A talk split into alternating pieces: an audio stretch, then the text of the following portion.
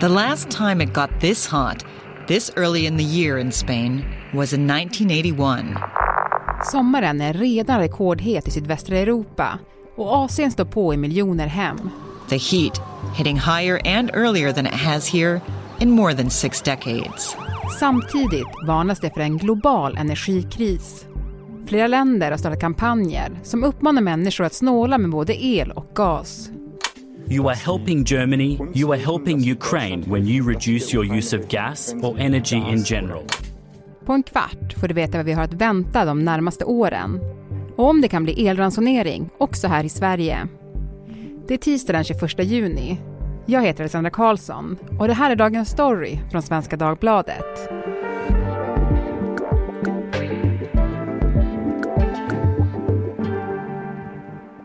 Mikael Törnvall, reporter på SvD Näringsliv. Har du en AC? Nej, det har jag inte. Men när jag bodde i USA då var det faktiskt eh, helt nödvändigt. Man skulle inte överleva en sommar utan att ha en AC i varje rum som höll det någorlunda uthärdligt. Mm. Ja, men jag tänker också det, för min relation till AC, den är ju från semester ute i Europa. Där man liksom har varit ute och sen får komma in på sitt hotellrum och där är en AC. Mm, och det kommer ju bli ännu mera så att din semester om ett antal år med lite uppvärmning kommer vara ännu svettigare för dig om du inte får AC på hotellet. Samtidigt som du kanske inte har råd med AC på hotellet för det kommer vara så förbaskat dyrt. Ja men precis, är ACn hotad nu? Ja, det, ja, delvis kan det nog vara så därför att det finns ju siffror på att det är någonstans 8-10% av all el i världen, inte all energi men väl elen, går åt till att driva kyla.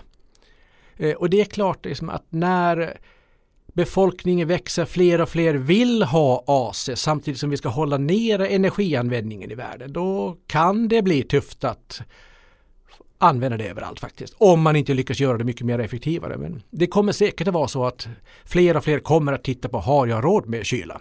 Mm.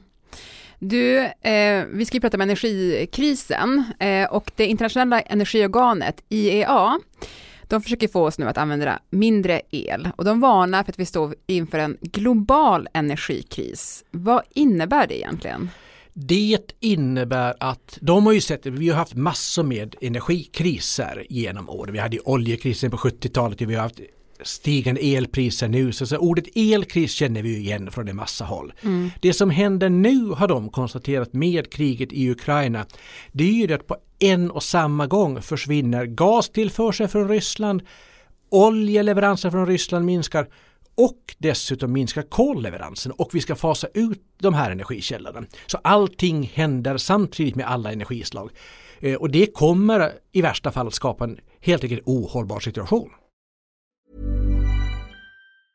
Hej, jag Ryan Reynolds. Recently, I asked Mint Mobiles legal team if big wireless companies are allowed to raise prices due to inflation. They said yes. And then when I asked if raising prices technically violates those onerous two-year contracts, they said, what the f*** are you talking about, you insane Hollywood ass?"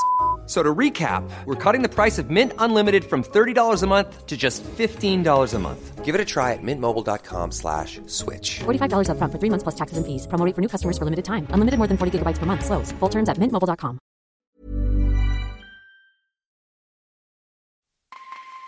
Ja, och dessutom är Europas produktion lite extra låg just nu. Bland annat beroende på att Danmark renoverar sina gasfält. Det är områden i Nordsjön där Danmark har plattformar som borrar efter gas. I Frankrike pågår underhåll av kärnkraftsreaktorer som under tiden är avstängda. Och Tyskland har stängt stora kolkraftverk som ett led i sitt omställningsarbete. Till skillnad från Europa använder inte Sverige gasen för uppvärmning. Men en landsände avviker. 50 procent av svensk livsmedelsindustri sker faktiskt här i Skåne.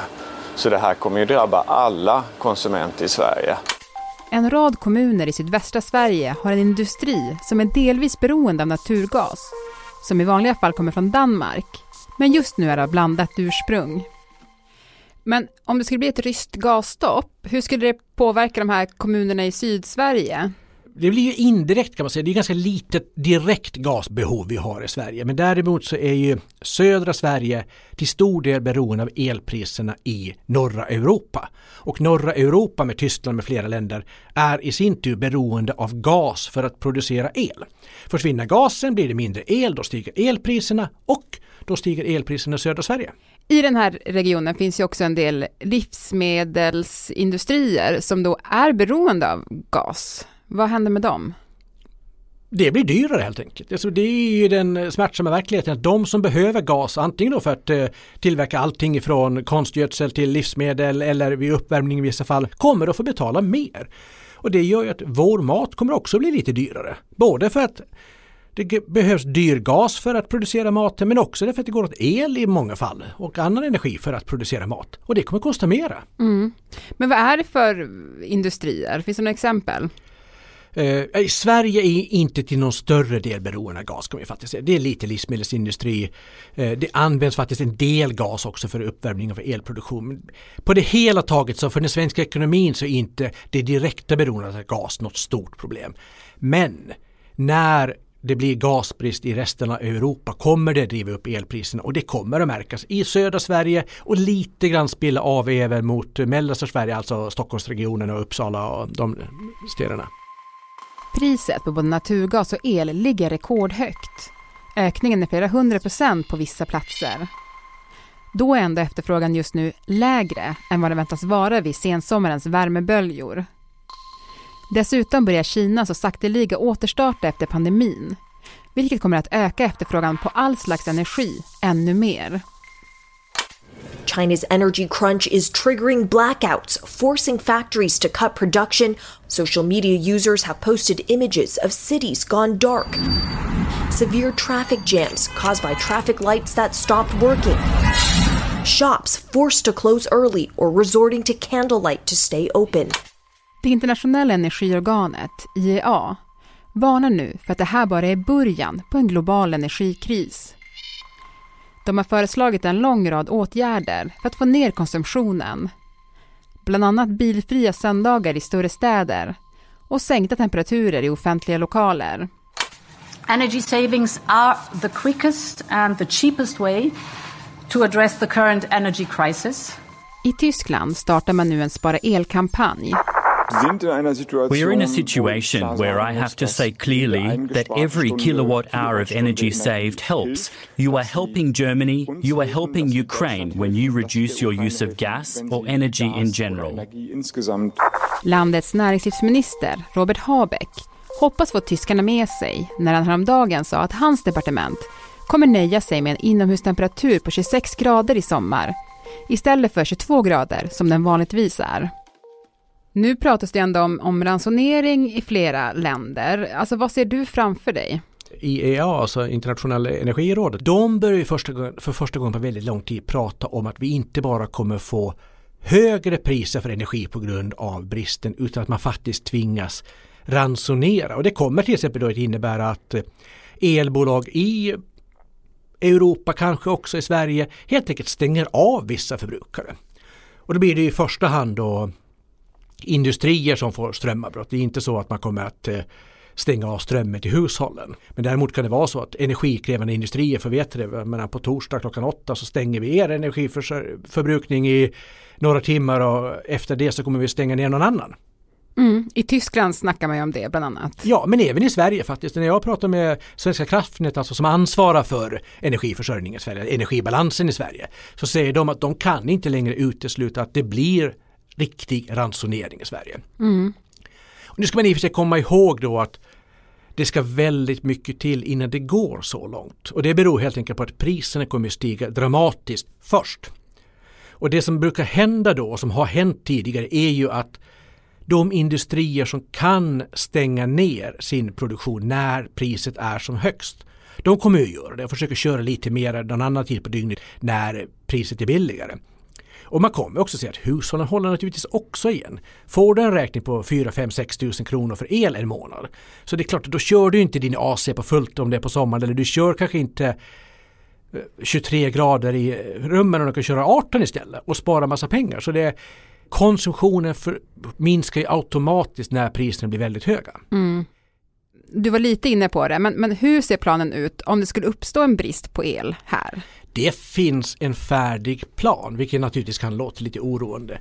Kraftbolagen och det är både Svenska kraftnät som har liksom huvudansvaret och de som äger regionnäten, de har färdiga listor. De vet exakt vem som ska stängas av först om det blir brist. Vem blir det då? Det kommer ju inte de att tala om för dig. Men så sannolikt är det så här, de börjar med de industrier som klarar av ett strömavbrott en period. Så man börjar inte med att stänga ner ett stålverk som kom, kommer att kosta flera tiotals miljoner att starta upp igen när allting har kallnat. Det som händer nu är ju det att nya företag som vill etablera sig med som energikrävande, till exempel man vill starta en bygga en datahall eller någonting i den stilen. Eller befintlig industri som vill bygga ut, de får ju nej mm. när de anmäler till kraftbolagen. Jo men vi kommer behöva så här många megawatt. Och får bara till svar, glöm det just nu. Mm. Så det är massa industri, alltså industrietableringar som uteblir på grund av det här och det, det händer redan nu. Du sa där att eh, hushållen själva kanske kommer liksom inte använda så mycket el för att det blir så himla dyrt, men, men skulle vi kunna komma i en situation där det blir ransonering för enskilda också? Alltså min bild just nu är att eh, på kontinenten kan det mycket väl bli det. Alltså både då att eh, hushåll som värmer med gas inte får en gasleveranser eh, och det blir begränsningar i vad hushållen får. Men just nu är det ingen jag pratar med i Sverige som faktiskt säger att jo men vi, vi kommer att släcka Malmö. Nej. inte riktigt ännu men det, man ska ju inte utesluta det naturligtvis. Det här kommer väl bli jobbigt i vinter, tänker jag, när det gäller just elpriserna. Vad kommer det betyda? Vad, vad kommer vi se för någonting? Ja, men till, till att börja med, du säger just elpriserna. Där har du en av de saker man ska ha koll på nu. För vi pratar ju precis om att nu är det en global energikris som gäller allting. Mm. Vi har ju en annan sak som tar fart på sommaren. Alla ska ut och köra bil på semestern.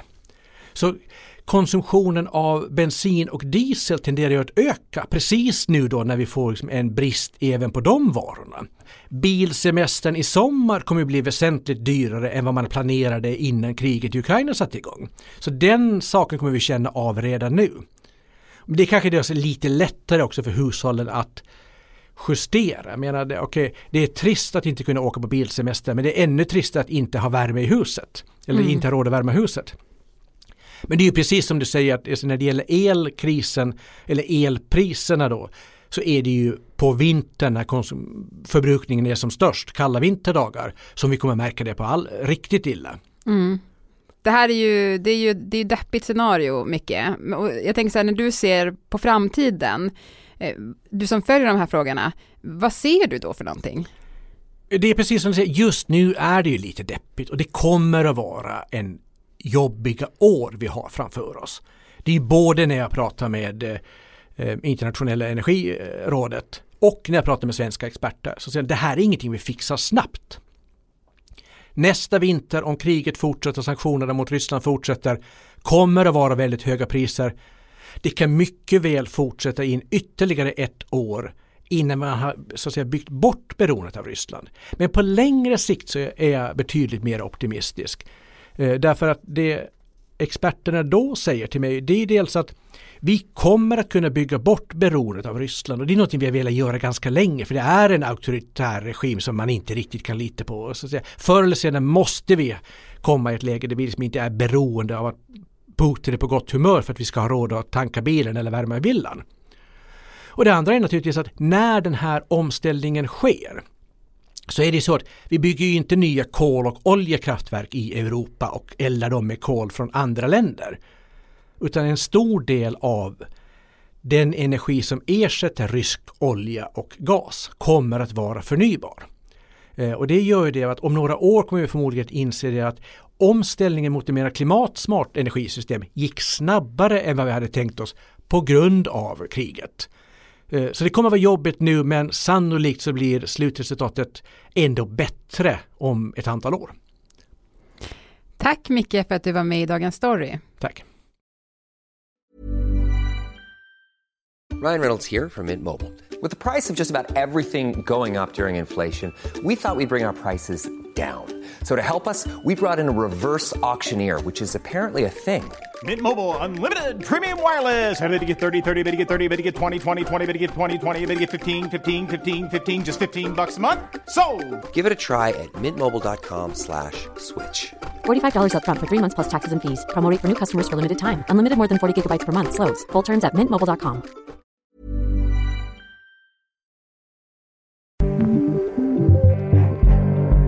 Vi som gjorde programmet idag är producent Elin Romeliotto, redaktör Erika Hallhagen och jag heter Alexandra Karlsson. Vill du kontakta oss så mejla dagensstory.svd.se. Klippen i programmet kom från Deutsche Welle, France 24, EU-kommissionen och CNN.